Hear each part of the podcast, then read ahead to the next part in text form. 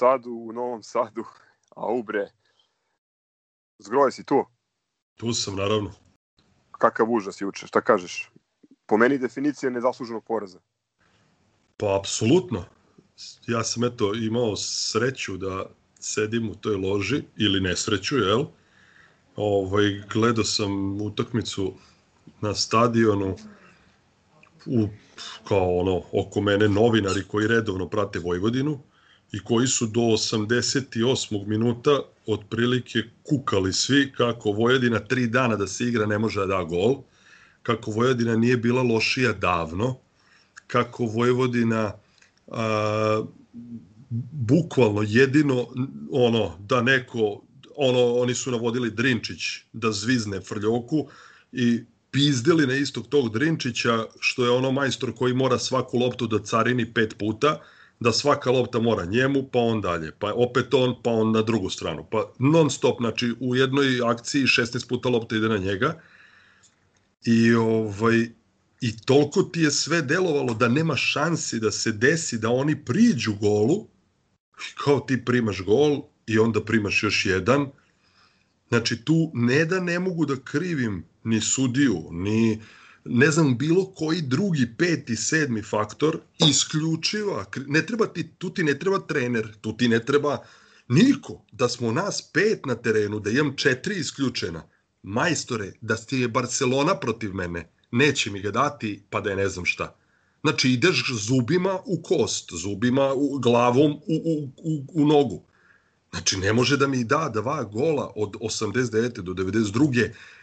Niko, a ne Vojvodina za koju ja garantujem, ponovo potpisujem jer sam ih gledao, nisu jači od mladosti iz Lučana.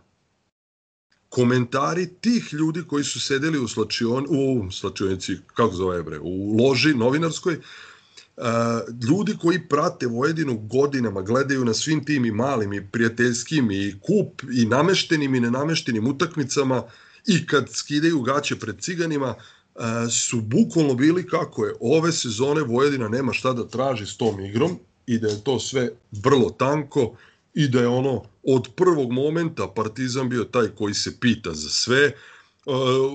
S oduševljenjem propraćen gol Sadika držali se za glavu ti ljudi oko mene e, na propuštenu šansu onu prvu ovaj Asanovu pa onda ne znam na onu glavu isto Sadikovu, ti si znači polovreme imao dva razlike, morao da vodiš sve što imalo, nisi imao ni jedan problem sa njim. Oni tebi za, za 45 minuta nisu ozbiljnije pripretili. Niko u, u toj loži nije ni skočio da vrišti ja na onaj kao da li je penal, nije penal, ono odmah što, na startu što je bilo, vidim da su odmah gledali i ponovljeni snimak i svi konstatovali da je sudija ispravno postupio.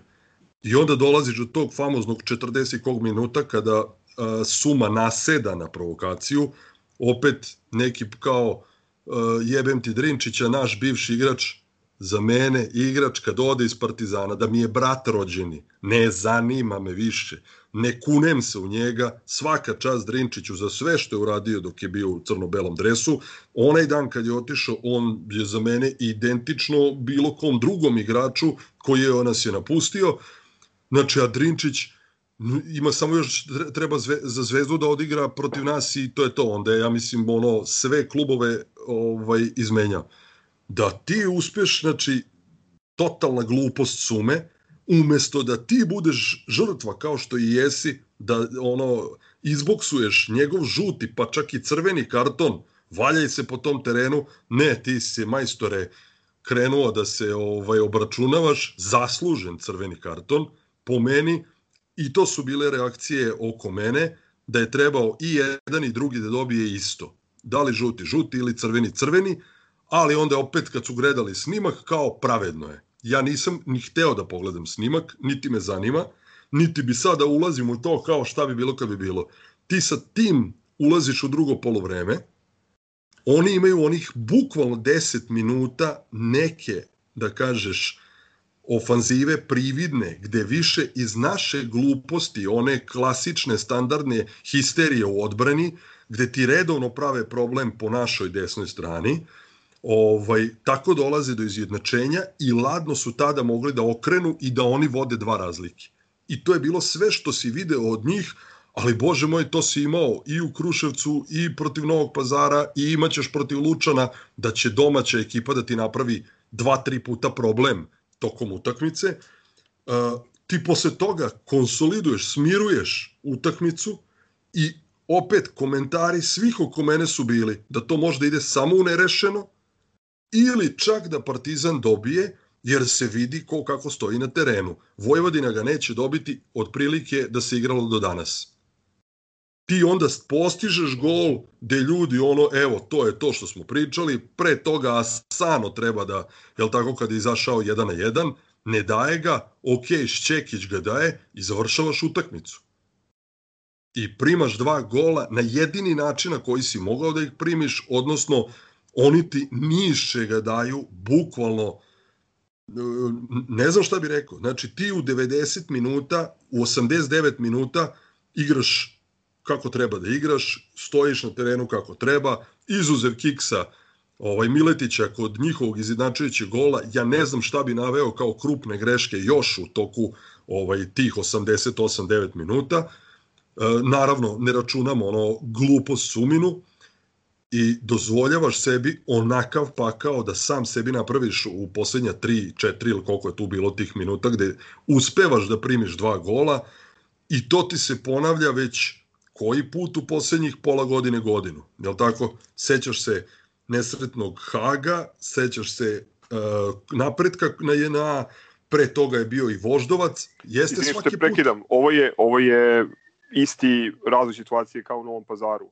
imao si 1-2 Identično, gde ti vodiš, gde si bolji, gde, pa ti sada od, od, od početka ove pandemije ili kad se krenulo ono ponovo s futbalom, ne računamo ovih mesec dana, te neke kao prividne pauze, znači pred kraj prošlog prvenstva, pa si imao slično, sličnu glupost u Subotici, kada ono kao šta radi odbrana, odbrana ne postoji, jednostavno da, da ono kao da ih u odbrani ima devet, svi devet bi nešto pogrešili, šta radi odbrana u Novom pazaru? I, i ono juče kao čoveče, da li je moguće da ti na onakav način gubiš do, ne, ne sad kao ej nisi izvuko bod, ne, nego imaš dobijenu utakmicu, završio si, svi konstatuju oko mene da ono kao Vojvodina stvarno nije zaslužila ništa više od poraza, da je dobro prošla jer je samo 2-1 za Partizan, da već 45 minuta ima igrača više, a da nije uradila ništa izuzev onih 5 do 10 minuta e, što, što smo ih opet mi dali vetar u leđa bezveznom greškom kad je onaj njihov izjednačio, ovaj nepotrebnom greškom Miletića koji je ispao tu, dao si im ono kao malo elana, znači sasvim je normalno da ti ekipa koja je igra na svom terenu i koja je kao u, u, u, u vrhu naše lige u tih kao top nekih 5-6 e, timova sasvim je logično da, da će ti napraviti tri šanse na, na, na svom terenu, mislim, s kojom god ekipom da si igrao. I onda ovaj, meni jedino ne znam e, šta bih još dodao, e, osim da ne razumem zašto nismo menjali, e, što nisi izvršio kompletan broj izmena kad si imao pravo, videlo se da Sadik od dobijenih batajna i koliko je čovek pretrčao za tih 80 i kusur minuta, da on poslednjih 10 minuta više nije mogao da stoji na nogama. Znači, koga god da si uveo, nije bitno profil igrača, da li je napadač, štoper ili ono, kogod bio ili neko dete, ovo što je sedelo na klupi, ti si trebao da izvršiš još bar dve izmene i kao, ajmo ljudi da ne primimo gol, ništa drugo ti ne treba. Kao, nemoj primiti gol, aha, kako ga mogu primiti, oni ne znaju, mogu samo da ga zviznu iz daljine. Ajde im ne damo da šutnu sa 25 metara i, to, i završili smo posao. I bukvalno je sve išlo u tom pravcu, ali ti majstore uspeš i to i da ti ovaj zategne i da to ide u Popovićev ugao, znaš sad na stranu, da li Popović treba da brani ili ne, niti sam stručnjak, niti se razumem da iz tog ugla mogu da komentarišem, znači ja verujem u to što, što Savo radi i, i ono kao meni se sviđa kako Partizan igra i meni se sviđa taj napadački mentalitet, ali je malo bez veze da ono kao utakmicu gde ti daš dva gola i promašiš još tri šanse da ti gubiš. Znaš kao ako si ono doveo majstore Ćurčića da ti bude neko ko će da ti kao sredi te probleme koje si imao prošle godine u odbrani, kad si na taj način ono zaostao puno za ciganima i gubio ono dobijene mečeve gde si imao bar pet utakmica u kojima si ti trebao da dobiješ, a primo si golove iz nekih ono jedinih prelazaka centara kao u Lučanima, ili ono u 90. minutu kao protiv Voždovca ili Lučana, ili ovih, kako se zove, napretka.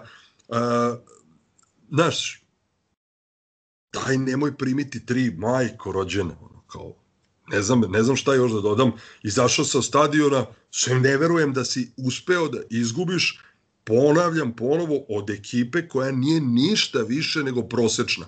Borbena, ono, nabiflana domaća ekipa, svi jaki, svi oštri u duelu, meni je to sasvim normalno. Ošte neću da ulazim u ono što tako ne igraju protiv ovih. Ne zanima me. Ja ove nikad ne gledam. Iz, izvini zgro, ovaj, ali to kako igraju protiv njih, to je jako bitno, jer a, zbog toga kako igraju protiv njih, odnosno kako ne igraju, ovakve, ovakvi porazi se doživljavaju kao stvar ono, apokalipse i kraja sveta. Jer da je svaka utakmica ne samo Vojvodine, već i drugih klubova koji nama prave probleme protiv komšija, ovako napeta, borbena, sadržajna, aj tako da, da, da kažem, ne bi bio, ne bi bio ovaj gubitak šest bodova jednak ono malte ne gubitku titule u, u poslednjoj nedelji avgusta. Slušalcima je očigledno jasno da smo opet kombinovali postavu, odnosno da je naš džoker sa klupe ovoga puta Igor Todorović Zgro, koji je bio na utakmici očigledno i koji je u ovom prvom naletu izneo ove neke svoje utiske sa, sa, sa lica mesta. Evo ja ću ovaj, da se nadovežem. Uh, ono što, ajde kažemo, ono, na, u najopštijem smislu šta vidim kao, kao problem, to je da eto, treći put u tri meseca bukvalno mi gubimo od Vojvodine i to Vojvodine koja je minimalno promenila ekipu u odnosu na, na ono finale kupa. E, ako smo u poslednjoj utakmici sezone igrali sa rezervama i primili gol iz, iz nekog sumnjivog penala, opet iz jednog šuta na gol, ispada sada da smo mi na tri utakmice iz šest šute u okvir gola primili isto toliko golova. Mislim, to je zaista, zaista neverovatno. Niš, ničim apsolutno nisu mogli da iznenade, da iznenade ekipu. Po meni smo igrali jako dobro, i za razliku od nekih ranijih utakmica mislim da nismo protraćili početak sam u prvih 15 minuta je bilo nekoliko dobrih dobrih šansi ti si zgro pomenuo ovaj udarac glavom uh, pre toga Asano je. Asano je imao ono, onu, onu lepu priliku kada je, kada je Sadik propustio loptu. Uh, zatim je Suma imao onu lepu priliku kad se lopta odbila i kad je njihov golman malte nesrećao taj odbitak. Sada ne, ne, ne ređam dalje. Ja imam problem sa e, isključenjem sume, pošto mislim da je stvar principijalna, jer je Drinčić laktom, da kažem, inicirao taj sukob i tu je uh, Jovanović, o kome inače, ovaj, to je on redki sudija kojem, kom imamo onako pristojno mišljenje, mislim da je tu napravio grešku, jer ovaj, bilo je zasluženo da ili obojca dobiju žuti ili da obojca dobiju crveni. Ovako to je, je bio potpuno... komentar i u loži oko mene, da su obojica zaslužili identičnu kaznu. Da. A, drugo, sad da malo uopštimo tu priču, a, mislim da je kriterijum za žute kartone isto bio dosta upitan. Vitas je dobio relativno brzo žuti u 20. nekom minutu i za mene je on bio ono, to znate vi koji, ovaj, s kojima sam bio u kontaktu, da sam to očekivao da će biti isključenje juče. A, dok recimo Saničanin i Bralić čemu je glašam ovog prvog, to se sad već provlači u ne znam koliko utakmica, oni su napravili zajedno, ako se ne valjam, 13 ili 14 faulova, najveći broj tih faulova na Sadiku, prebili su ga kao mačku ponovo, ni jedan nije dobio žuti karton.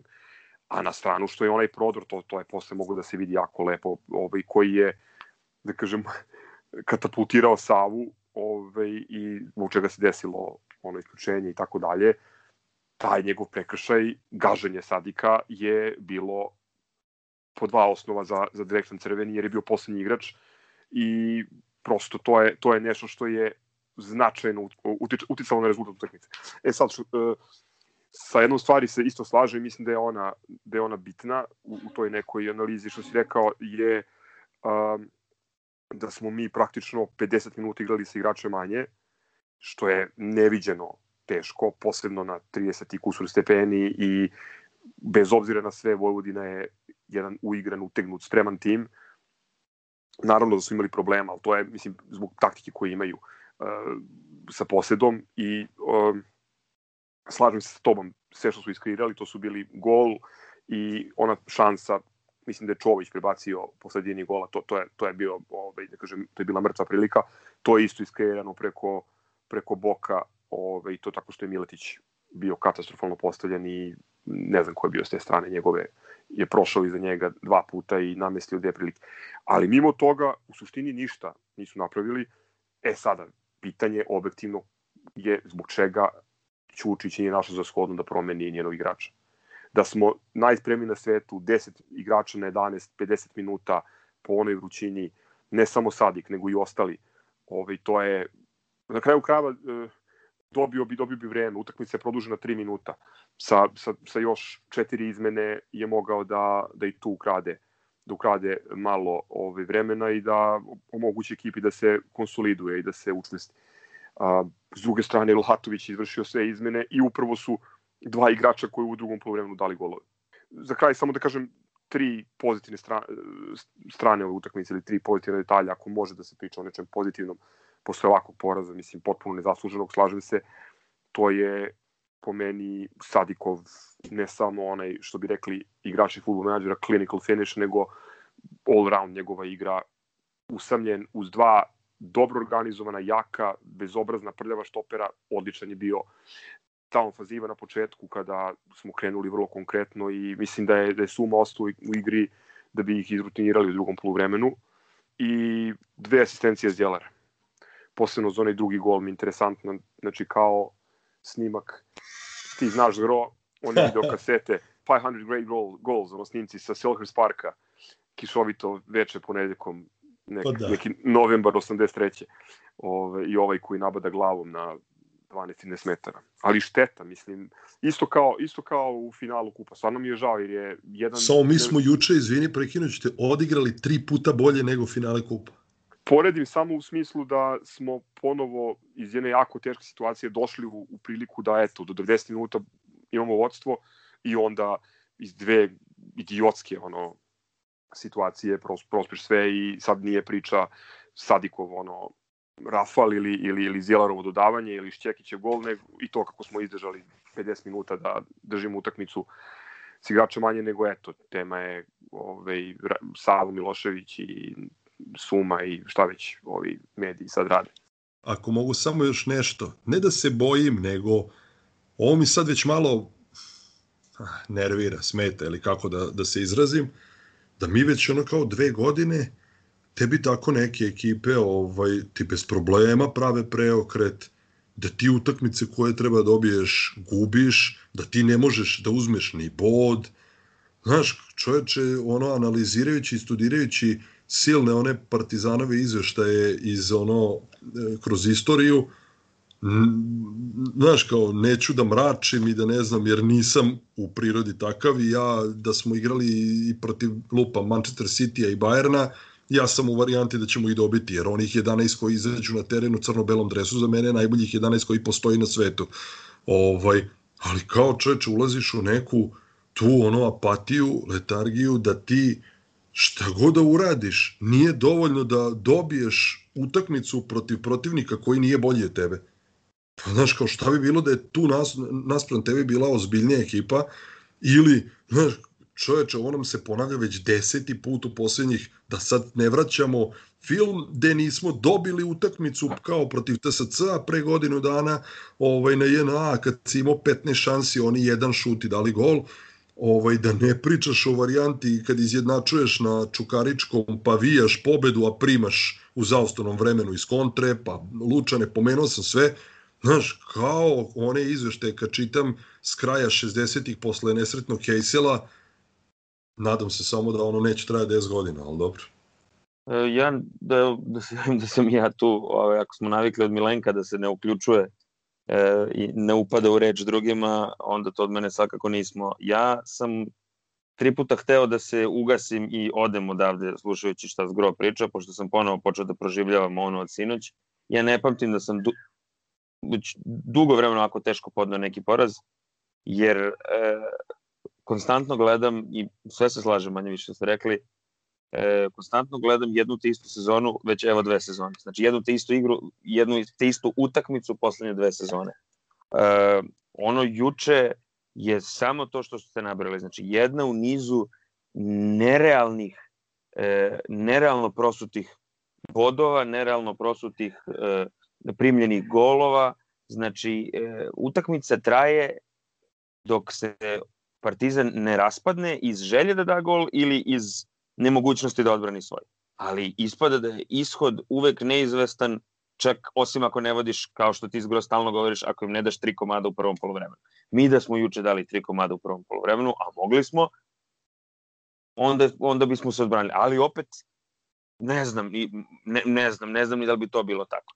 Ja, e, apsolutno se slažem, to sam odmah rekao juče na gledanju, znači e, ili, je, ili je jedna te ista odluka po obojcu ili, ili nije ništa. Ono znači ili je žuti ili crveni obojci, ali mora bude obojci. Naseo je, sve to stoji, ali ovaj ga isprovocirao udarcem, nije ga isprovocirao verbalno ispod ruke da ovaj ne vidi.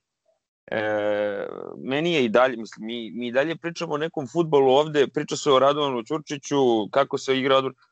Odbrana kolabi, znači mi nemamo prosperitet futbolskog kluba, odnosno samog sastava, ni jednog trenutka dolaskom nekog igrača.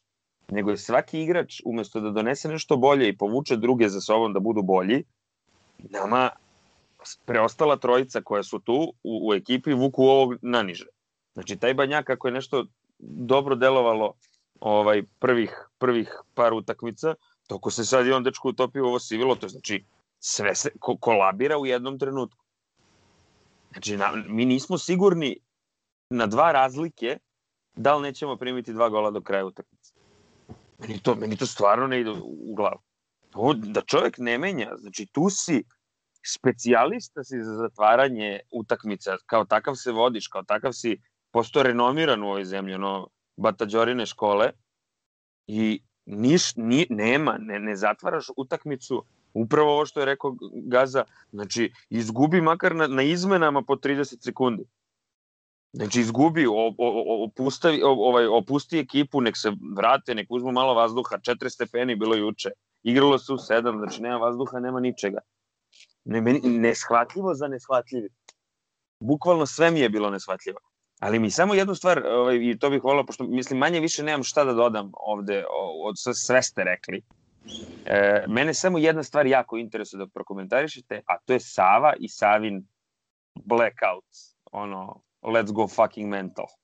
Pa ne, ja mislim da naš prso juče nakon tog jednog, ali tokom utakmice je bilo bar pet sitnih stvari gde on Sadiku, maltene svaki kontakt on svira Sadiku umesto nad Sadikom, pa mogo je bar ono trećinu jel tako da, da da njemu faulova, a ne svaki baš da je, da je njegov ovaj a, plus to isključenje sume gde složili smo se svi, obojica su morali da dobiju isti karton i nije to samo od juče, znači čoveku se skuplja godinu dana, samo što mene već nervira, to je ono čuveno naše srpsko, e sad ću sve reći, jer on kad je šutnuo taj mikrofon, on, je, on se derao, sad ne znam da li se to čulo u prenosu, ali ja sam tako ovaj, po, po, ču, čuješ ga, ono, zašto je mukla tišina, nema publike, vikao, neću više da, da E, ajde vidimo šta će to da kaže, da li je to rekao na ovoj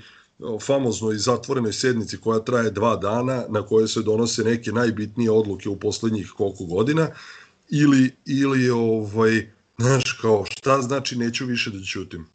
Možda je mislio na to da više neće da glumi džentlmena. Ne opravdavam potez, naravno da ćeš da prsneš, naravno opet ideš na varijantu trener si Partizana, nije primereno, ali onda s druge strane, znaš, kao godinu dana si svestan u čemu, i ono kao kad je on došao, ima godinu i po, uh, svestan si u kakvom mulju i talogu i sa kakvim ono probisvetima imaš posla, koji te koji su tri puta ono ispod tebe na bilo kojoj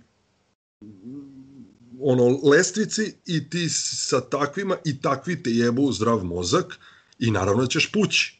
I to se desilo juče.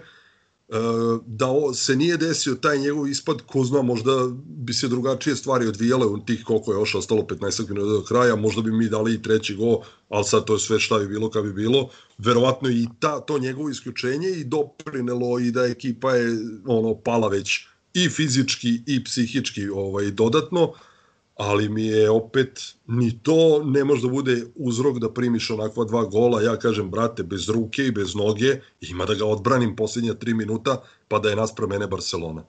Mislim da nisi realan. E, to je ono, Mislim da nisi a, realan. moguće, moguće, ja da sam navijač. Ni, ja sam Znam, navijač, ne nisam... možeš- ne igraš, ne igraš protiv pionira ili dece slučajno skupljeno u parku, igraš Apsolutno se protiv, igraš protiv ozbiljne Vojvodine. Samo još jedan detalj ovaj, koji je uticao. Rekao sam vam da su dva igrača koji su ušli u drugom poluvremenu dali golove. Obratite pažnju na to, Lalatović je zamenio oba bonus igrača i uveo je ove svoje našpanovane livadare koji, koji mlati, koji očigledno znaju šta rade.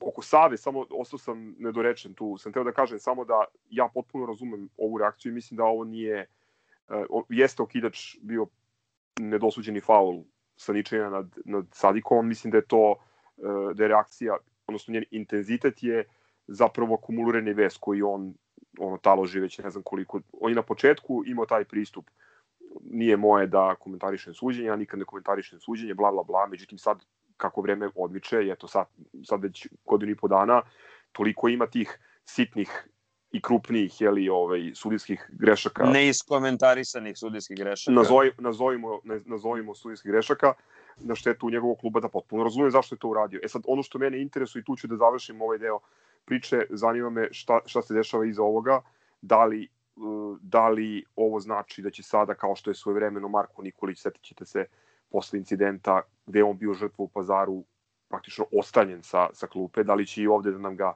da nam ga maknu, ove, jer posle ove pauze za reprezentaciju dolaze evropska utakmica, tu će da vodi ekipu, ali dolaze i, i bitne utakmice u, u prvenstvu, na kraju krajeva i derbi nije mnogo daleko. I druga stvar, ovaj, zanima me, eto, Glo je pomenuo tu sednicu e, za hitna, odnosno za ne baš toliko hitna pitanja koja, eto, ovaj, se danas završila bez zaključka, pa se nastavlja i sutra, da vidimo št- šta je veliki plan. Šta je veliki plan? Da li Savo ima podršku? Ako ima podršku, da li ima i realnu podršku? Da li ta podr- podrška podrazumeva i, i to da ono što je najavio posle pazara, neke reze u ekipi, za to?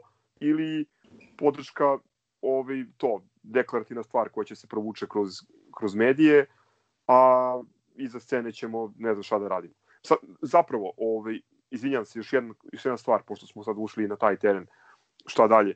Pričamo o desnom beku i drugom štoperu, ja ne znam, ono, 6-7 meseci, ono, ljudi koji slušaju od početka znaju koliko je to dugo, ono, bukvalno light motiv. Da mi što smo sami sebi smo dosadni. Ali Ove, ali to sad, isto priča i, i, i Savo i iz Partizana Pa se da, priča, ne ali- pričamo samo mi, jel?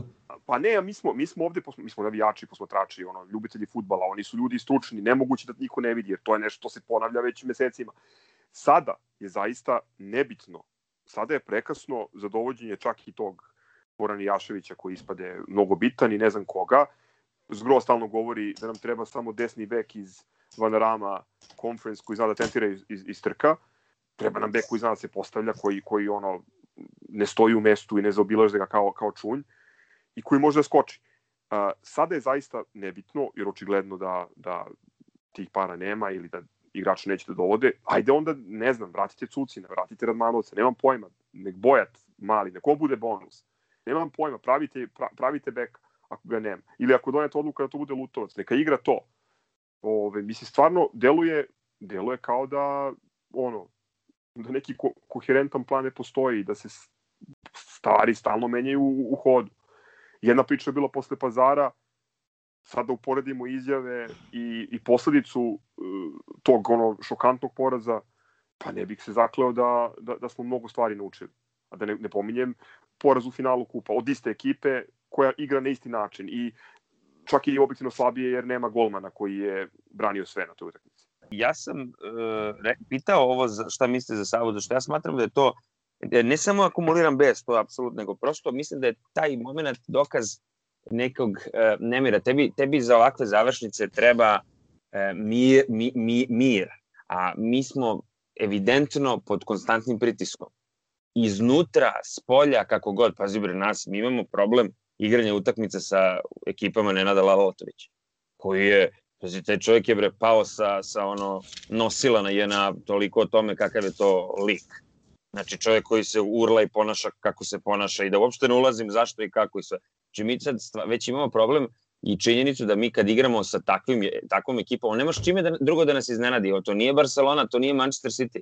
To, nisu ekip, to nije ekipa koja igra futbol. Sami ste rekli, ovaj car na loptu 15 puta. Ovi biju, znači znaš kako će da igraju. Treba ti mirno, vodiš. Imaš igrača manje, vodiš. Treba da imaš mir. I da, a ovde je dokaz da ovde nema mira. Nema mira, nema, nema e, mirnog načina da se završi utakmica taj Nenad Lavatović je sad u, u, u maniru da može da igra, da vodi radnik i surdolice i dobiće nas. Svakako neće izgubiti. Jer to je to, je to. on ima, našao je, našao je žicu. To ti je ono, prosto vrlo bitna stvar u sportu je da ono kažu jebi ga ovaj da uvek igra dobro protiv nas. Našao je žicu. Njihov trener koji je lošiji trener od našeg trenera, njegova ekipa je lošija od naše ekipe, ali ima žicu. Ima je žicu i u, u, u, u finalu kupa i sad prosto to je to. I dok je vodio i radnički, znači prosto ima način kako da igra s nama. Naravno neće dobiti uvek, ali neće ni izgubiti. Pazi, što se tiče Lalatovića, meni on nije toliko bitan ovaj, i mislim da Partizan ima mnogo problema da reši pre tog problema rešavanja utakmica sa Lalatovićevim timovima. Mada jeste, stvarno je, kad pogledaš, dobio, dobio nas je tri puta koliko, zadnje dva i po meseca, od toga je jedna ona utakmica bila da kažeš nebitna gde smo izašli maltene sa rezervnim timom. E ono što mene jako nervira, ovaj, a on je uh, igrom slučaja protivnički trener, uh, da smo mi u dve utakmice sa njima imali, imali smo sve preduslove da, što ti kažeš, uh, mirnije privedemo utakmicu u kraju ili da totalno preokrenemo ovaj utakmicu kao što smo imali sve preduslove u Nišu, pun stadion naših navijača, evro gol malog ovog Pavlovića, ulaziš u produžetke, umesto da im produžecima, ono, gde nisu znali gde se nalaze, umesto da im daš dva, tri komada, ti igraš nešto oprezno, povučeno, nemam pojma, čekaš te penale. Tako isto i juče. Imali smo, što kaže Zgro, sve preduslove da rutiniramo utakmicu, odigrali smo odlično polovreme i ja bih iskreno voleo da Suma dobije neku kaznu Znači, apsolutno ne ulazim u to da li je trebao i Drinčić da dobije crveni ili, ili, su, ili nije niko od njih. Znači, po meni je reakcija Sume potpuno nepotrebna, znači, potpuno se kosi sa, sa svim što profesionalac, stranac u Partizanu treba uh, da uradi na terenu. U 42. minutu uh, utakmice gde vodimo 1-0. Znači, car iskulira, nemam pojma, a mislim, možda je nepopularno mišljenje, ali ovaj, mislim, da je, mislim da je Suma tu preterao. E, da li je bio isprovociran? Apsolutno, ali njegova reakcija apsolutno nije bila potrebna i po meni bi on trebao bude kažen onako interno, ne naravno sad na sva zvona i kroz medije da se to provlači, ali jednostavno ostavio ekipu na cedilu i umesto da mi sa tih uh, 1-0 mislim, otišli smo sa tih 1-0 na polovreme, umesto da uđemo mirno u drugo polovreme, da damo još jedan gol, gde bi se oni možda više otvorili, imali bismo više prilika, mi ulazimo u jedan kontraproblem.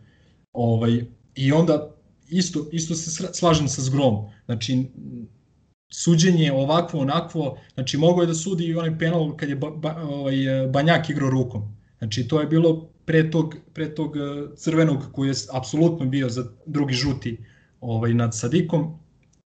A, Ali eto, znači nije bilo i po meni ne možemo tražimo izgovore u, u suđenju, a za reakciju Save, znači podržavam reakciju trenera, a, možda ne, ono, ne znam, bacanje flašice ili šta ja znam, ali reakcija i ljutnja i bez, što kaže Gaza, akumulirani dugo vremena, a, to je jednostavno okidač je bila ta situacija gde smo sigurno oštećeni, A, jedino šta zameram recimo Savi što možda nije izvršio veći pritisak u prelaznom roku da, da stvarno rešimo to pitanje odbrane gde očigledno nama fali bar tri kvalitetna igrača. Kao što je prošle godine bio uporan i insistirao na, da se sačeka taj Asano, da se uh, sačeka i ta, taj Natho, da uđemo možda neki koncepcijski rizik u neke bitne utakmice bez nekoga od njih, i za to je bio nagrađen. Tako isto mislim da je sad morao da bude agresivniji u ovom, da kažem, prelaznom roku koji by the way i dalje traje.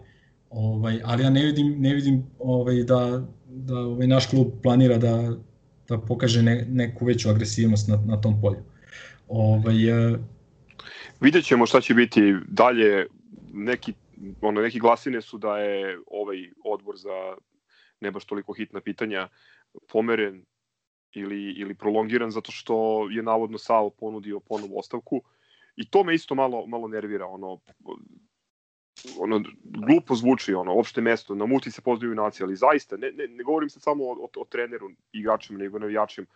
Svaki poraz je potpuno apokalipsa, ono, samo ubistvo. Mislim se stvarno, ono, ko ono, igra za Partizan ili vodi Partizan ili na kraju krajeva naj, za Partizan mora da podrazumeva ili da očekuje određenu dozu pritiska. To je sastavni deo ono života, rada, praćenja velikog kluba.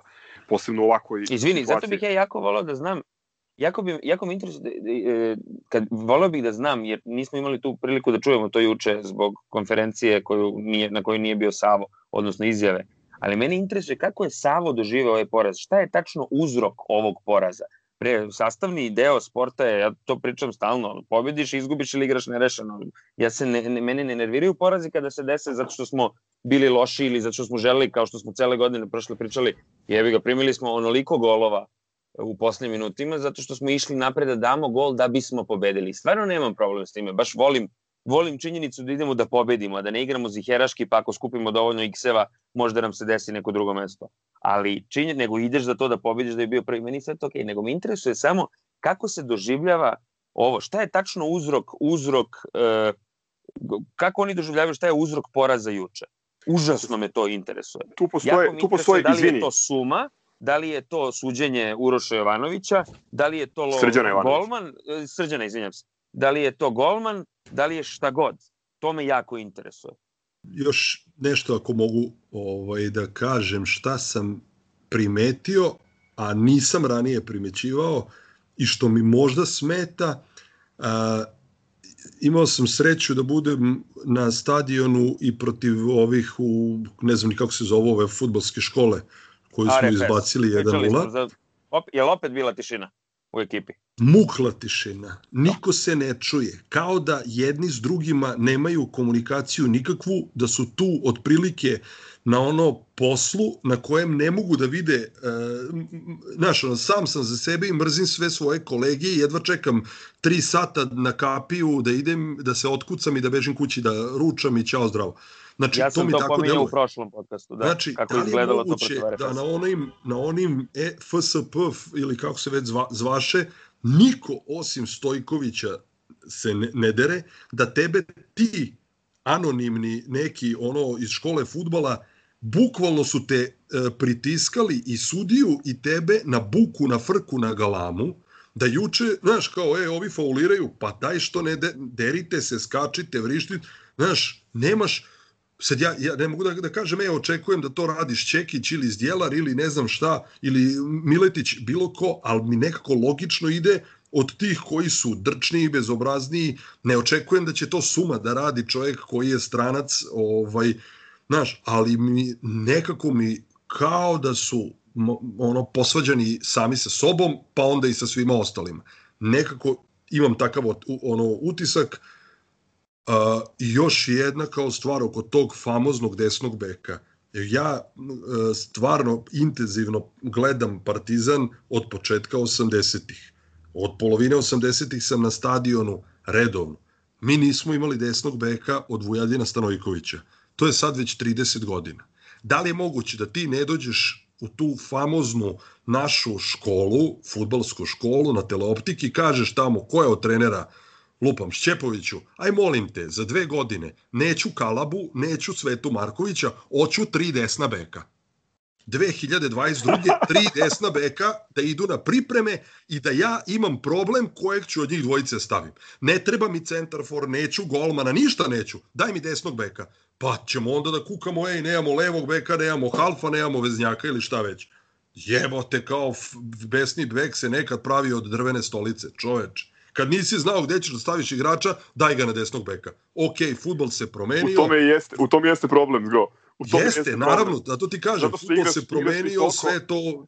igraš visoko i guraš, i guraš naj, ono, fizički najdefektniju decu. Mada, zezam se ja, ovaj, sad si imao na pripremama, uh, imao si tri mlada desna beka na pripremama i svi su... Je moguće da ni pozadnice. jedan ne može da prođe i da, Pa da, da može da ti igra? Ne znam, to je pitanje za, za stručni štab koji je poslao Cucire nazad. Znaš, kao da ni jedan od te trojice koji Zlatibor- su desni bekovi, Ne znam, pazi, ja, ja, ja mislim da bi, da bi bilo bolje da imaš bilo kakvog desnog beka. Mislim, ako tako Vojvodina je, nego da ima... čoveka kojem to nije prirodna Tako je, ovaj, i koji je, i, i koji vidiš, je tome i vidiš da je evidentno- nezadovoljan. e, evidentno je Pa sjeban iz to ti je kao razloga. kad radiš na...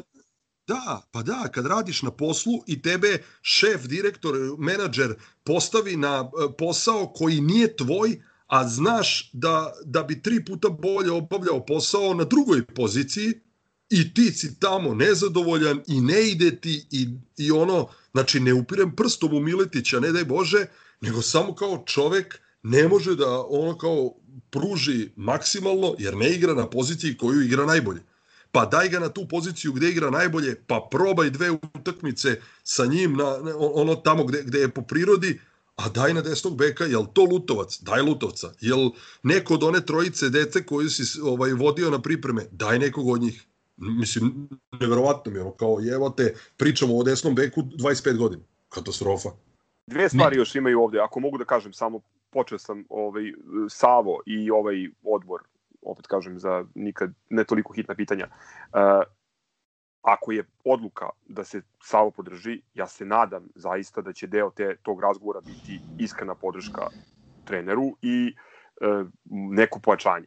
Svima je jasno već jako dugo šta je, šta je to što nam treba i toliko o tome. Ako, ako, je, od, ako je odluka ili, ili dogovor ili plan da se trener ne podrži, imaju sada famoznu reprezentativnu pauzu u koju opet ulazimo ovaj, u lošoj atmosferi i neka zamene trenera, neka, neka nađu nekoga ko će moći da se upozna s ekipom i to je to. Ali, ali ako je to odluka, neka je jasno obrazložena i neka stoje iza nje. A ne da opet imamo neke polu, neka polu, polu rešenja i ja lično kažem, po meni Savo treba da ostane, ne treba, ne, ne treba posle svakog poraza da se postavlja pitanje njegove odgovornosti, ali neke stvari moraju da budu jasnije. To što je Boki rekao, da se, da se zna šta, šta, ne, šta ne štima. Iako je trener rekao da još posle Novog pazara, da neke stvari više ne mogu da se tolerišu, da ne mogu da prolaze, da ovaj, se okreće novi list. Šta smo mi to presekli tačno? Na dve utakmice e, su igrali rezervni bekovi. A da ne govorimo o toj odluci da se, ok, rotacija tima, da se jedan od najboljih igrača, ako ne i najbolji igrač, možda u ovom trenutku nije u najboljoj formi, ali de facto najveći znalac u ekipi, da se, da se pusti da ode da igra za reprezentaciju. Pre utakmice koja je, ono, znali smo, jedna od najtežih, ako ne i najteža u tom prvom ciklusu. Čiji je rezultat četiri pobjede, dva poraza i, i šest bodova iza ove ekipe intergalaktičkih šampiona koji, koji ne mogu da, da izgube ni od koga. Mene još jedna stvar tu zanima, koji je tačno plan sa ovim malim Popovićem. Ok, mislim da je mogao skine drugi, drugi gol, za treći nije kriv i nije lako, znači dečko nema ispred sebe Krstajića i ne znam Milenkovića, već ima to što ima i, i, i tekako nije zaštićen, ali ovaj, koji je tačno plan? Zašto se Stojković ubacuje da brani evropsku utakmicu, pa se pritom, onda vraća... Izvini Milenko, pritom evropsku utakmicu tri puta manje zahtevnu, opasnu, ono, totalno bezazlenu evropsku utakmicu protiv amatera iz škole futbala, koji ti ne pređu centar za 90 minuta, a ne brani protiv Vojvodine. Tako je, tako je. Ba, baš, to, baš, to me, ovaj, baš to me zanima. Uh, koji je tu plan?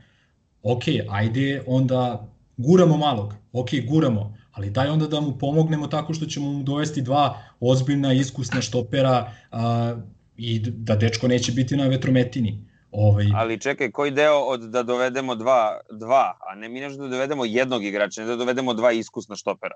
To nije, nije princip poslovanja i razmišljanja, da smo shvatili. Ali ja mislim da između ostalog se tu uh, krade jedno mesto za bonus igrača preko njega. Pa to jeste, za bonus jeste ideja, ali, ali evo juče smo videli, na primjer u Vodine, da bonus može da bude i bek. Znači, zašto? Ako, ako devetak može da igra kao bonus ili Topić, ok, Topić je dobar igrač, ali ovaj devetak, mislim, vjerojatno imaju boljeg beka od njega. Zašto ne može da igra Cucin? Ili, ne znam, zašto ne može da igra ovaj, Radmanovac? Sad u ovom trenutku može da igramo, može da igra bilo ko od nas.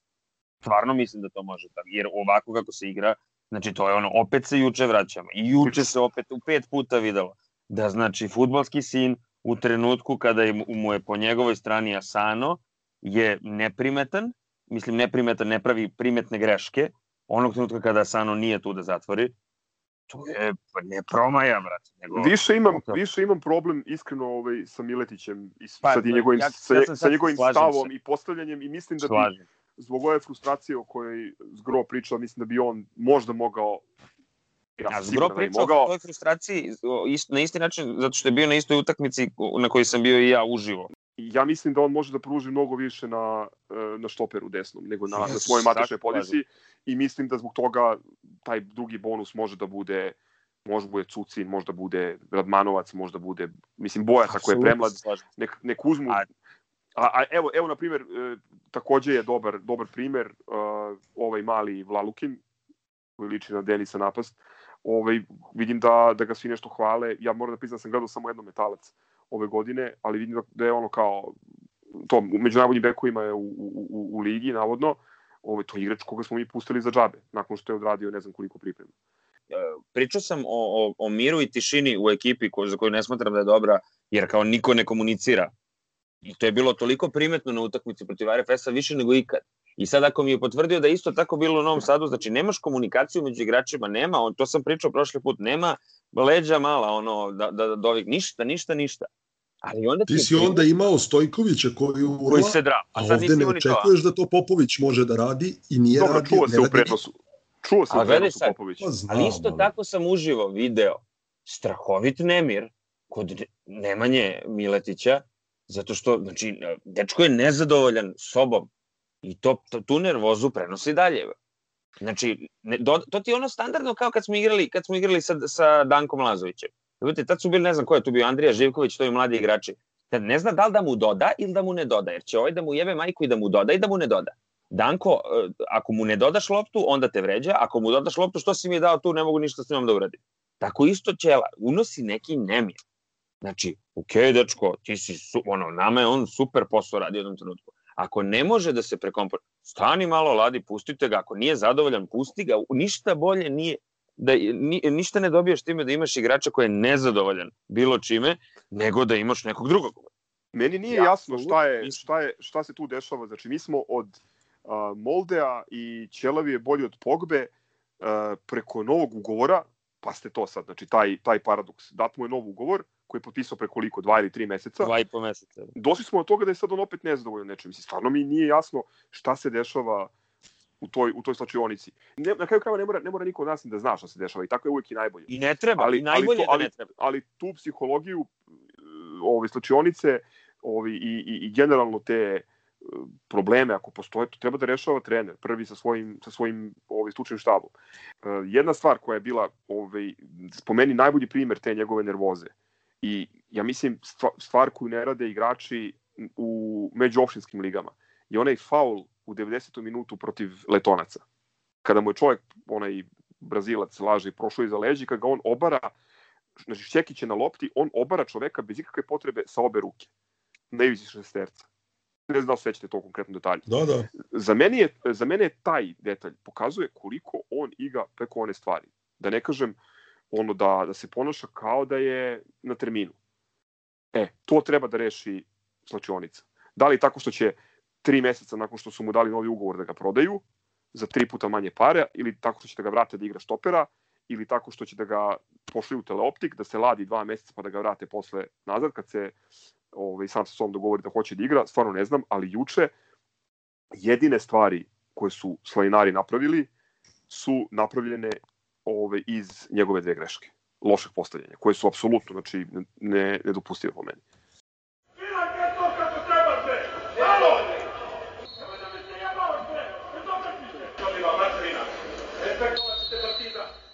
Posle ovako divnog i pozitivnog razgovora, ipak da dođemo i do nekih, ajde da kažem, lepih vesti. Danas smo ispratili žreb za drugo kolo kvalifikacija za Ligu Evrope i um, dobili smo možda odnosno sigurno najlakših protivnika od tri moguća, a jedina ono lakša ili bolja varijanta za nas je bila da se ta, i ta utakmica igre na, na jedna, ipak mislim da ne treba sitničariti i da ovaj, bi ovo morao da bude siguran prolaz dalje. Ja ću par stvari samo o, o, o protivniku, nadam se da ću pročitati ime kako treba. Sfintul uh, Georgije iz Suručenija, to je vada Sveti Đorđe iz Suručenija. Suručenije je neko selo ovaj, u centralnoj Moldaviji. Zgro reče vodojaža iz Moldavije. Pa mislim i da, da deluje tako, imaju neki stadiončić od 1000 sa 1000 mesta. Sa rezedo kućom. Sa rezedo kućom po sredini jedne tribine. Ovaj, mislim da će se verovatno igrati uh, utakmica, to sam čuo na stadionu Zimbrua u, u Kišinjevu. Um, ne mogu da kažem da sam, da sam gledao ili da znam puno ovoj ekipi. Odgledao sam samo golove sa njihove utakmice prvog kola kvalifikacija. Oni su jedva prošli ovaj, Šahtjor iz Soligorska, naše stale, stare poznanike sa priprema i to na penale, ali u utakmici u kojoj je Šahtjor od 28 minuta igrao 10 igrača i bio bolji. Ove, ali je eto, loše izvodio 11 terce ispoje. Um, E, izvini, a koje si golove gledao kad je bilo 0-0? pa te penale sam gledao kako se, kako se, kako se raduju. Poslaću vam da vidite, ovaj, dosta onako socijalno izgleda cela stvar. Ekipa koja mislim da je u ovom kolu među tri najlošije plasirane po onom koeficijentu, a inače... U... 69. su od 72, to sam siguran. Da, da, znači treći su od pozadi. Treći su i u, u Ligi Moldavije, da, izgubili su nedavno od ovog tima uh, Petrol, ili kako se zovu, sa kojima su sa kojima je TSC igrao prošle nedelje. Uh, šta još može se kaže, pokusam imao prilike da vidim, pošto zaista nemam pojma, ono, ovaj, lago bih kad bih rekao da znam nešto o Moldavskoj ligi, vidim da za razliku recimo od šerifa iz Tiraspolja koji uvek dovodi neke strance, šerif sa kojim smo igrali 2005. 6. sećate se dva puta od Dita za... Od Dita. Za 1-0, da, to je jedini, inače naš klubski zvanični susret sa, sa bilo kojim predstavnikom Moldavije pre ovoga.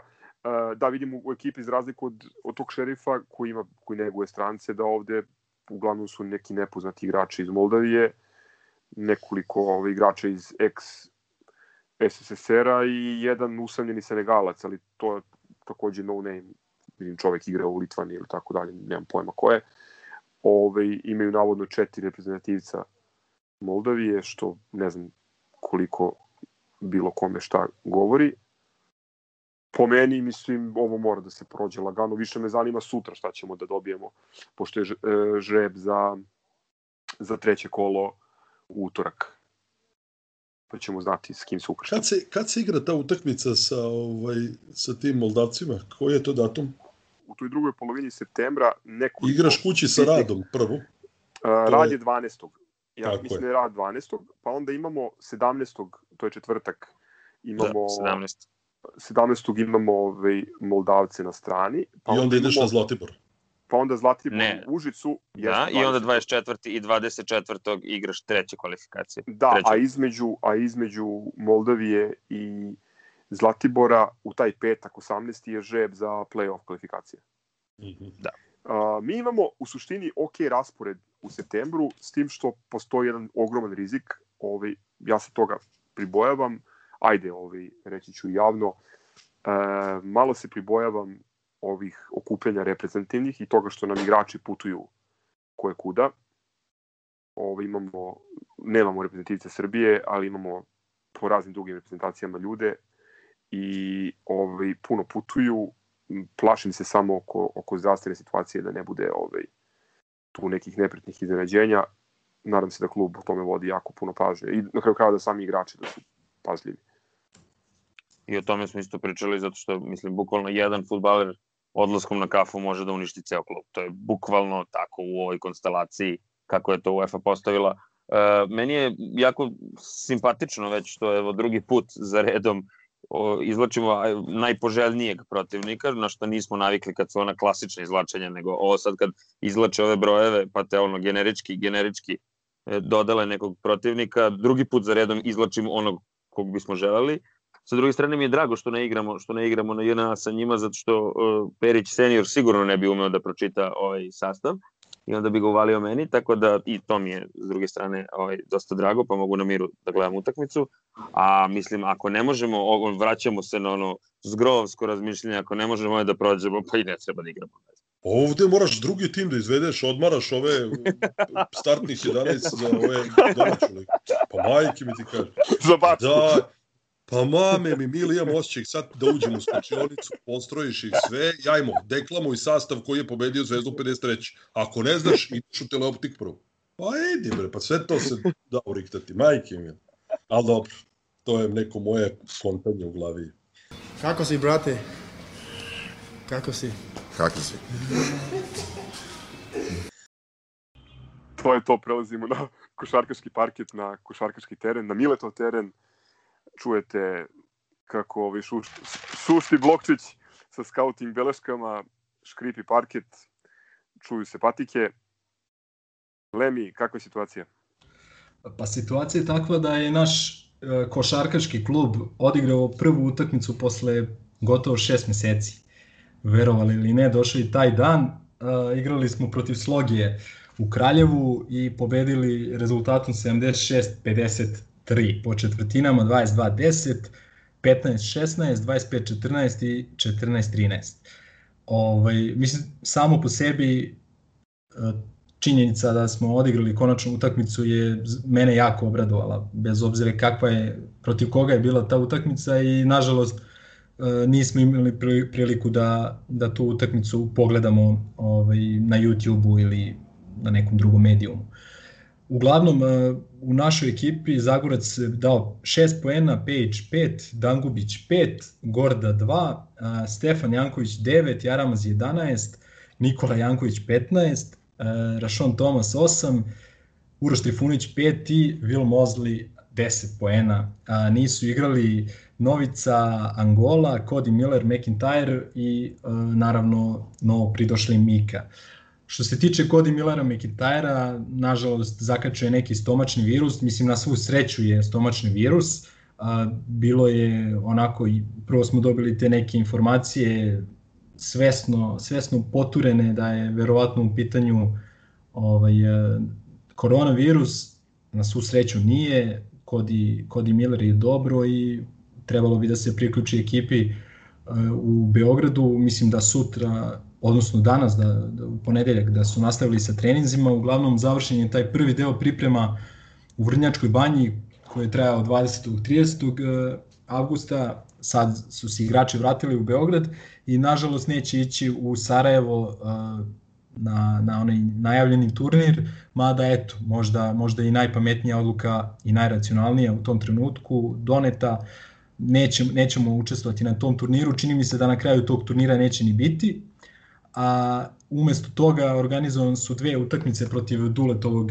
Kluža u, u Beogradu iza zatvorenih vrata koje će se igrati 8. i 10. septembra.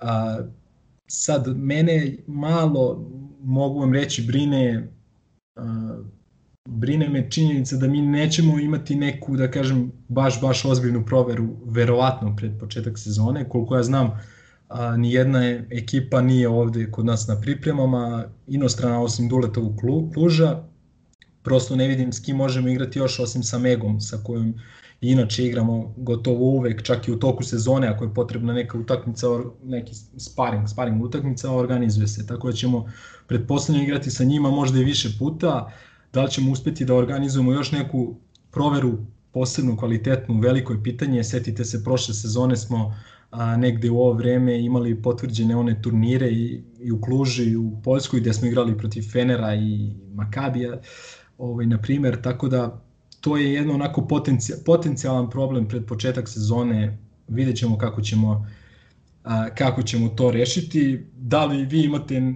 bilo kakav utisak ono da, da, da, li, da li ste svesni da smo odigrali konačnu utakmicu posle ovog silnog vremena? Ja jesam ispričao mi je Novica ovaj Veličković kako je to izgledalo i bukvalno samo zato sam, i samo tako sam imao ovaj utisak da se tu išta dešava jer ja se nažalost bojim da je ova nepredviđena da su sve situacije sa ovom koronom totalno nepredvidive i ne znam kako će to sve da izgleda. Evo, ova Cibona i 14 bolesnih. I je baš ono, jedan dokaz toga da ono što pričam, nažalost, nije iz, iz bilo kakve loše namere, već činjenice da ono treba biti realan i ne znam ja kako će to sve da izgleda. Pogotovo sa tim dvoranskim sportovima. Isti slučaj sa mnom, ono, ja što vreme više odmiče, sve više sumem da će, da će sezona da, da počne.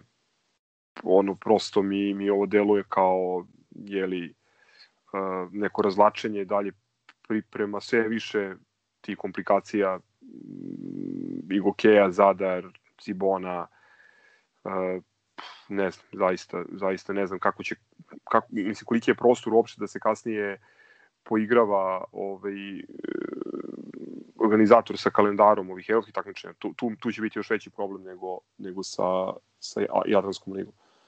Uh, ništa, ono, jedna stvar koja mi je pozitivna i koja me ono beskreno zabavlja, to su snimci bili iz Vrnjačke banje. Uh, pre svega Brian Gola koji je, vidi se, ovaj, jako, do, jako, jako dobro adaptiran na, na Partizan i na, i na Srbiju, iako je odigrao samo dve utakmice za, za nas.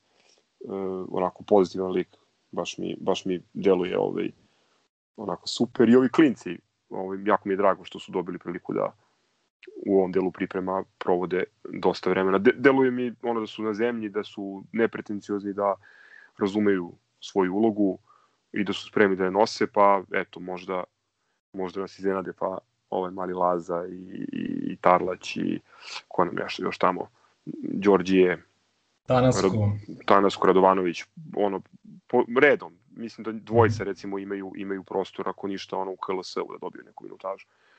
Ovaj to je to je ono neka pozitivna stvar, je sad kad će biti KLS, a kad će bilo šta da se igra stvarno ono što više vreme odmiče zaista mi je ovaj sve sam veći skeptik ili pesimista da će da će sezona biti odigrana u celini. Apropo one naše malopređašnje priče o komunikaciji, odnosno osudstvu komunikacije na futbolskom terenu, meni se čini baš uh, da je ova naša košarkaška ekipa jako dobro selektirana. Uh, da onako u celini dobro funkcioniše, a da kažem i, i onako neki njeni uh, podskupovi da dobro funkcionišu. Prvo imamo tu, tu ekipicu Zagorac, Jaramaz, Janković, Dangubić koji se znaju od pre, da kažem iz Mege i ovaj, iz nekih reprezentativnih akcija, to je jedna stvar, pa onda a, vidim da su, mislim, ovi naši stranci od prošle sezone, već svi, svi se super već i znaju i to, a sad im je ovaj, dodati i Stefan Janković koji je, da kažem, po nekim, po nekim ovaj, karakternim osobinama možda i shvatanju košarke bliži njima nego, nego nama, Ovaj, vidim da je on tu nešto prevodio na Šćepino obrać, obraćanje njima. Izvini, Stefan Janković, prevodilac i sparring partner na PES-u. da, da, da. I imamo Angolu koji isto super priča engleski, a recimo ako ono iz nek ako bude ono nostalgičan u nekom trenutku, tu mu je, tu mu je lončer da, da popričaju malo na španskom. Tako da mislim da komunikacija tu stvarno ovaj, neće biti problem. A, E, ostaje samo, kako, ostaje samo pitanje kako će se uklopiti ovo naše najnovije počanje, to je naravno Erik Mika, koga smo nešto malo najavili prošlom podcastu, zato što je bilo priče da je to ozbiljno i da maltene samo se čeka realizacija. Među vremenu Erik Mika je potpisao ugovor, ja sam ga gledao, gledao sam ga i pre, nešto malo i na koleđu, sećam ga se iz te epizode u Italiji, E onda dve, dve, tri godine ovo što je igrao razvojna liga Japan i ono malo u Nemačkoj, toga stvarno nisam ispratio, pa sam sad malo da kažem, obnovio sam gradivo i ovaj, ovo zaostalo ovaj, sam uzeo malo da pogledam i ono što se meni čini sa, sa snimaka, pre svega da je u pitanju jedan pismen igrač. A, pismen igrač koji dobro zna šta zna da radi, šta treba da radi na koš, košarkaškom terenu i on je onaj tip igrača za koga nećete se hvatati za glavu i ovaj, pitati se šta li on sad mislio, šta je planirao da uradi. Znači jednostavno čovjek eh, ovaj, ne izmišlja ništa što, što ne ume da uradi, a ima taj neki svoj repertoar u napadu, koji dobro koristi. Pre svega odlikuje ga odličan, odlična igra u pick and rollu. Jako je dobar, dakle, znači jako dobar rol igrač pre svega. Ima finu me, mehaniku šuta, malo krivi noge, ali ima finu me, mehaniku šuta, taj gornji deo i mislim da je mogao ovaj, kroz karijeru da više radi uh, na tom, da kažem, produženju dometa, odnosno da, da bude veća pretnja s polja. Mislim da je, možda nije kasno sada za to, ali jednostavno ako, ako recimo čovjek ne šutne u Kini i u razvojnoj ligi ne šutne trojku tokom cijele sezone, onda čisto sumnjam da će šutirati u evropskoj košarci. A, tako da mislim da ta opcija otpada. A, međutim, s druge strane, mi smo, mi smo ekipa koja ono, uh, igra pick and roll heavy offense. Znači, dosta zavisimo, živimo od tog pick and rolla, živimo od uh, tog tajminga kada će visoki igrač da napravi blok, kako će to uh, spoljni igrač, niži igrač, ball handler da, da ovaj, iščita. Uh, iz tog razloga ovo je po meni dobar potes, pre svega, dakle, iz tog razloga, dakle, ako Erik Mika nema ništa, da kažem, spektakularno u svojoj igri, nema ništa ni spektakularno loše odmah, da, da bude jasno, ali ono u čemu je najbolji, to je igra u pick and rollu. Odlično se odmotava, odlično je svestan, otvara se, otvara ugao dodavanja, a, relativno brzo završava na obruču kada, kada, kada primi loptu, ume da odigra na niskom postu, ume da odigra leđima, nešto, pr prvo sam čuo neke reakcije ljudi kao da kao nije neka pretnja sa low posta, međutim, posle kad sam gledao utakmice, meni se čini da on to može. Opet, e, mi ne, ne zavisimo mnogo od te igre e, dole leđima, ali što da ne, ako, ako možemo to da ako možemo toga da napravimo još jedno oružje u napadu, ne, ne vidim zašto ne bi zašto ne bi to koristili i ono što me najprijatnije iznenadilo u njegovoj igri, odličan pas ima odlično čita kreten saigrača, ima strašan osjećaj za dodavanje za jednog visokog igrača, ume da baci pa, ume da baci backdoor pas, ba, baca pas preko svog igrača. Uh, jednostavno ok.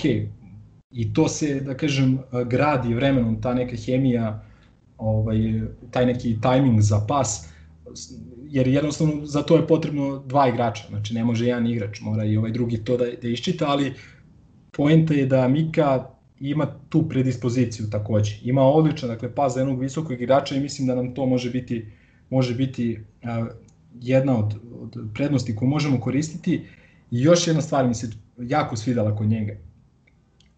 Pošto ovaj, kad gledam nekoga sa interesovanjem, ovaj, onda gledam jako, jako detaljno. I ne premotavam one momente kada on nije u igri. Ovaj, a zašto? Zato što recimo gledam njegove reakcije kada je na klupi. I mogu vam reći da bar ovo što sam ja gledao, a gledao sam nekoliko utakmica iz prošle sezone, isprati svaku trojku svog saigrača, svaki dobar potez, prvi je da ustane sa klupe i da aplaudira, da maše peškirom ili, ili šta ti ja znam. Možda će nekome zvučati nepotrebno, možda će nekome zvučati i glupo, ali to je jako velika stvar za, za timsku hemiju i to je stvar koju svaki trener voli da vidi uh, od svog igrača, bez obzira dakle, da li je taj igrač da li je to igrač iz prve petorke ili, ili je igrač ono da kažeš sa kraja klupe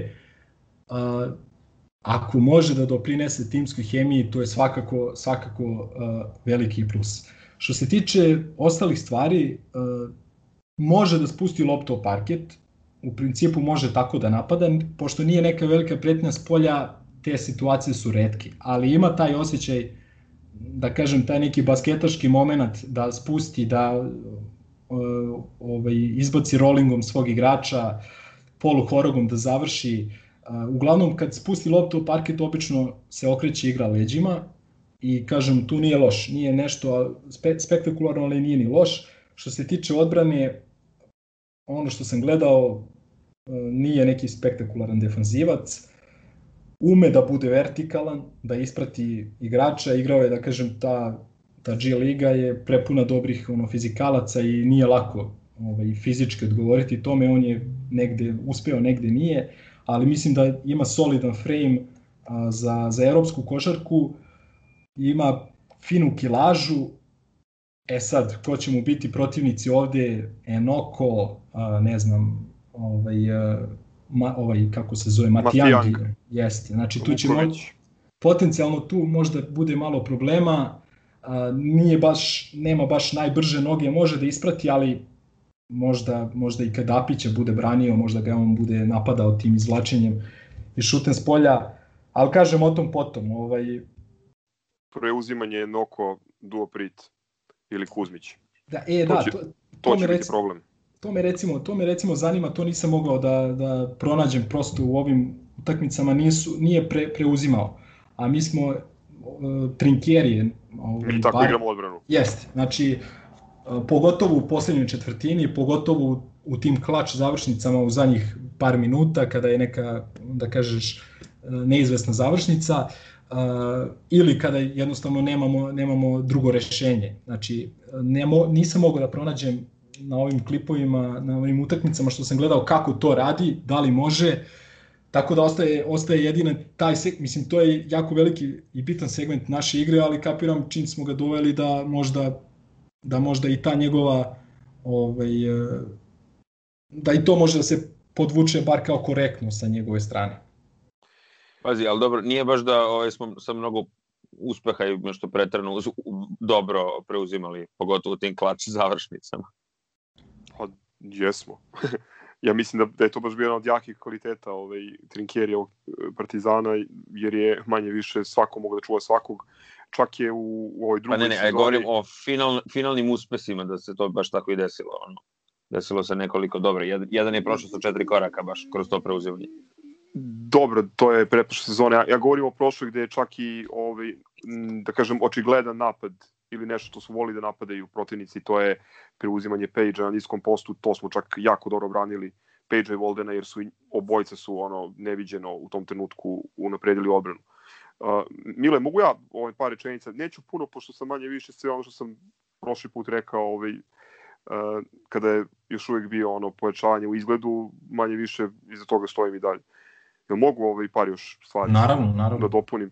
Uh, pa, ti si pominjao frame. Uh, da, on izgleda onako dobro, ali za mene je ipak i dalje ono undersize, ili sam možda samo ja očekivao uh, drugačiji tip centra. Pričali smo o tome dosta, ono, i online i offline. Ja sam očekivao da dovedemo ili neku ono životinju koja će da potpuno zatvori reket, ili da dovedemo nekog tipa uh, Lendela ko će moći da to da preuzima i da šutira s polja.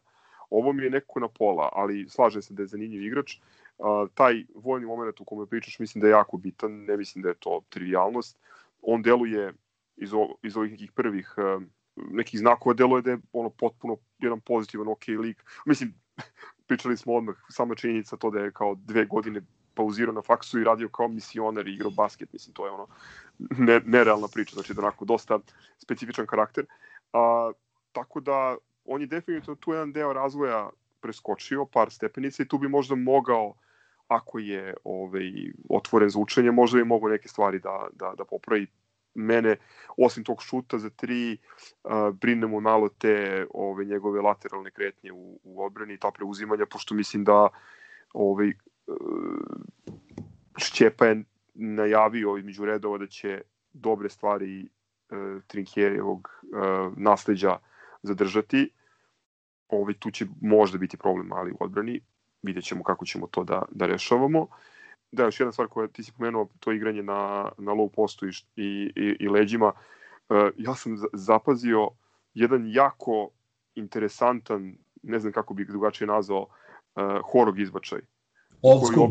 Da, da, potpuni old school. Uh, da, da. Posjeća me na, na, na divca i to ono kad je tek došao u Ameriku, kad ga je Džabar učio ovaj, kako se izvodi horog. E, pri čemu on zbog, zbog širokih, ono, velikog raspona ruku del, deluje potpuno, kako bih rekao, nekoordinisano, ali potpuni old school izbačaj. Baš mi onako interesantan. S tim što opet, znaš, nije isto igrati pro, ono, u srednjoj školi ili ne znam, u nekoj nižoj college diviziji igrati protiv ovih jačih centara koji, će, koji nas čekaju u Eurocupu, ako se ikad bude igrao. Uh, ne, nisam prosto komentarisao sam još nekim ljudima, znaš, ne krivim čoveka što, eto, pra, imao je kao ne gap year, nego dve, dve godine pauzirao.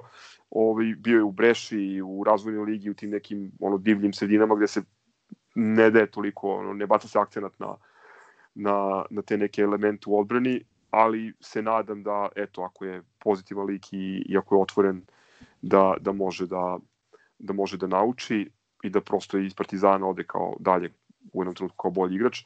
Drago mi je što je Bogdan dao svoj approval javno, što znači da definitivno vredi, da momak vredi. Eto, da, toliko. Ne samo, ne samo Bogdan, ja sam, kažem, to sam rekao i prošli put, iako su, vidim reakcije mnogih ovaj, navijača Partizana, pa i medija na kraju krajeva, kao divac poslao centra Partizanu. Ovaj, kako se zove, ali ja sam ubeđen da je to, da je to preporuka više uh, Peđe Drobnjaka nego Divce i Bogdanovića zajedno. Ali, ovaj, ali svakako Bogdan je mogao da da taj neki uvid jer je on je bio čip, tipa 10-20 dana, ne znam, sa, sa Kingsima, sa Sacramentom je bio, verovatno ga je zakačio na nekom treningu i to, svakako je mnogo dobar taj uvid, odnosno što kažu in, Amerikanci Intel koji možeš da dobiješ od, od saigrača. A, samo bih se vratio ovo za Bokijevu opasku. A, nama u principu dva igrača koje su nam a, najviše problema zadavala prilikom tog preuzimanja, to su a, Billy Beron i, i ovaj, Davidovac. Davidovac je jedna ono noćna mora za nas, već godinama čovjek se protiv nas pretvori u neku verziju Bodiroge, odigra neverovatno i mi jednostavno nismo još uspeli da nađemo neko, neko rešenje kako, kako, kako ga mečapovati. Što se tiče Berona, ovaj, mi njega ono, dobro, dobro ga odbraniš, uradiš sve što treba da uradiš kao odbrana i onda, onda on da neku ono neverovatnu trojku ispada s 9 metara ili napravi četiri koraka i tako dalje. Što opet e, ne možeš... A izvini, moram da te prekinem sad. To ću da sad se vežem na onaj futbolski deo da sam pričao o mentalitetu sportiste kada oseti E, to je ono što sam pričao sa našim nekim igračima, pre svega sa Novicom. E, to je činjenica da je ušao u seriju protiv nas, osjeća nešto i ono što bi, i što svaki put promaši protiv drugog, da protiv tebe. U, unese tebi u to da, da znaš da će da ti da, unese sebi to da znaš da će da ti da. Zato to, to je ono, kad sam malo pripričao na futbolu o tome, to sam isto proživeo i gledajući baš, baš Bilija Berana. A ti sad nastavio o mečapu. Ma dobro, mislim, Beron više nije tu, tako da tu imamo brigu manje što se toga tiče. Ali samo hoću da kažem da nekad jednostavno i odbrana uradi sve što je trebalo i što je zamišljeno da uradi i jednostavno umesto nekog očekivanog rezultata desi se nešto, nešto potpuno, potpuno uh, suprotno. Što se tiče Mike, ne znam, za kraj, eto, kažem, po meni solidno pojačanje, uh, mislim da je dobar fit na ovo što imamo za sada, kad pogledamo realna imena, odnosno pitanje je šta je za nas bilo realno tržišno uh, i finansijski u ovom momentu, ali kad pogledamo imena koja su bila neka, u nekom opticaju širem, da kažem opticaju za taj neki krug ekipa koji se bore za vrh Evrokupa, odnosno za neke manje platežno moćne evroligaške ekipe, tu je opticaju bio ovaj uh, Johnny, Johnny ovaj, Hamilton iz Darušafake koji ode čovek u Fenerbahče, tu je bio ovaj Devin Williams iz Tofaša koji još uvek nema klub, ali traži mnogo para. A, bio je ovaj Toni Džakiri koji od starta je bilo jasno da nije realan, on je isto našao evroligaški angažman i tu je bio ovaj Matjang koji je otišao, otišao Olimpiju. Da, tako da, znaš, jednostavno ni, nisi ti tu imao da biraš ne znam ja šta, pa da kažeš sad razumeš, ovo, kao mogu si bolje proći. A, nadam, se, nadam se da će Mika se ispostaviti kao pravi potez. Verovatno, kažem, ta preporuka, preporuka Drobnjaka je dobro došla, sad ostaje i na njemu da radi. A, i mi, mislim da je u solidnim godinama za centra, da može mnogo da napreduje ove sezone, tako da, tako da ćemo videti. A, mislim da je polako vreme da privodimo i ovaj košarkaški segment kraju sa još par, par informacija kratkih. Ja sam nepopravljivi optimista što se toga tiče, ja se stvarno nadam da će Evrokupa biti. E da, to sam zaboravio da kažem. Čujem da ovi naši u klupu klubu se sve više pripremaju na neku mogućnost onog turnir, turnirskog sistema, babla i šta ti ja znam. Tako da, eto, čisto, čisto kao neka poluinformacija, ovaj, izgleda da tu stvarno ima nečega. Aj sad, da li, to važi, da li će to važiti samo za ABA ligu, ne znam. Uglavnom, što se tiče naših Eurocup uh, protivnika, Venecija je počela ovaj Super Kup Italije, koji se igra po nekom onom World Cup formatu, ne znam, to jest Euro formatu, četiri grupe po četiri ekipe. Ovaj, I dobili su, dobili su juče, samo sekund, dobili su Treviso. Ubedljivo 89-75, vratio se Austin Day i onda je sve mnogo lakše za, za njih.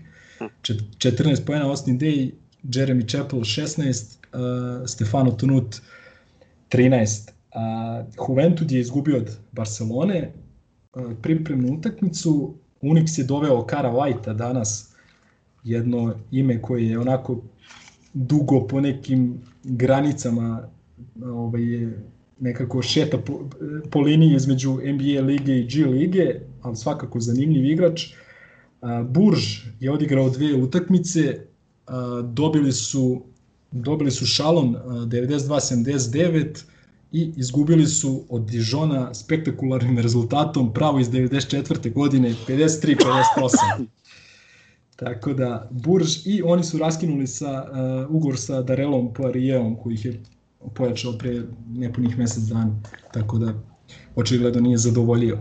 To bi bilo to što se tiče nekih uh, ovi, informacija iz košarke, ne znam kad će biti sledeći ovaj podcast, da li će biti posle tog Kluža, uglavnom sa nestrpljenjem čekamo čekamo dve utakmice da vidimo kako ćemo izgledati protiv Duletove ekipe. Ubismo zgroa. Ajmo da, da završavamo bez uh, ovoga puta, bez izjave nedelje i bez zlatne štoperice. Uh, kandidat za kutak za ništa sporan trenutak je leteći automobil Boake i onaj žuti karton koji je napravio nad uh, golmanom TSC, koji je posle toga morao da napusti teren. Ništa sporno, što bi rekao gospodin sindikalac Poledica. I to je to bio je ovo hysterical, verovali da ne, Zgro je izdržao i ovaj basket blok. Kako si Zgro? Si živ? jesam, jesam, jesam. Živ, da. Igramo lepo, sad samo još da počnemo da pobeđujemo. I da nam se ti vratiš u halu. E, to vidiš. Ništa, ljudi, hvala vam. Crk je objasnio e, da nas od nedavno možete slušati e, na manje više svim znanim i neznanim platformama koje postoje uključujući i Apple i Google, kao i na podcast RS i na ovim standardnim mestima na kojima smo od početka.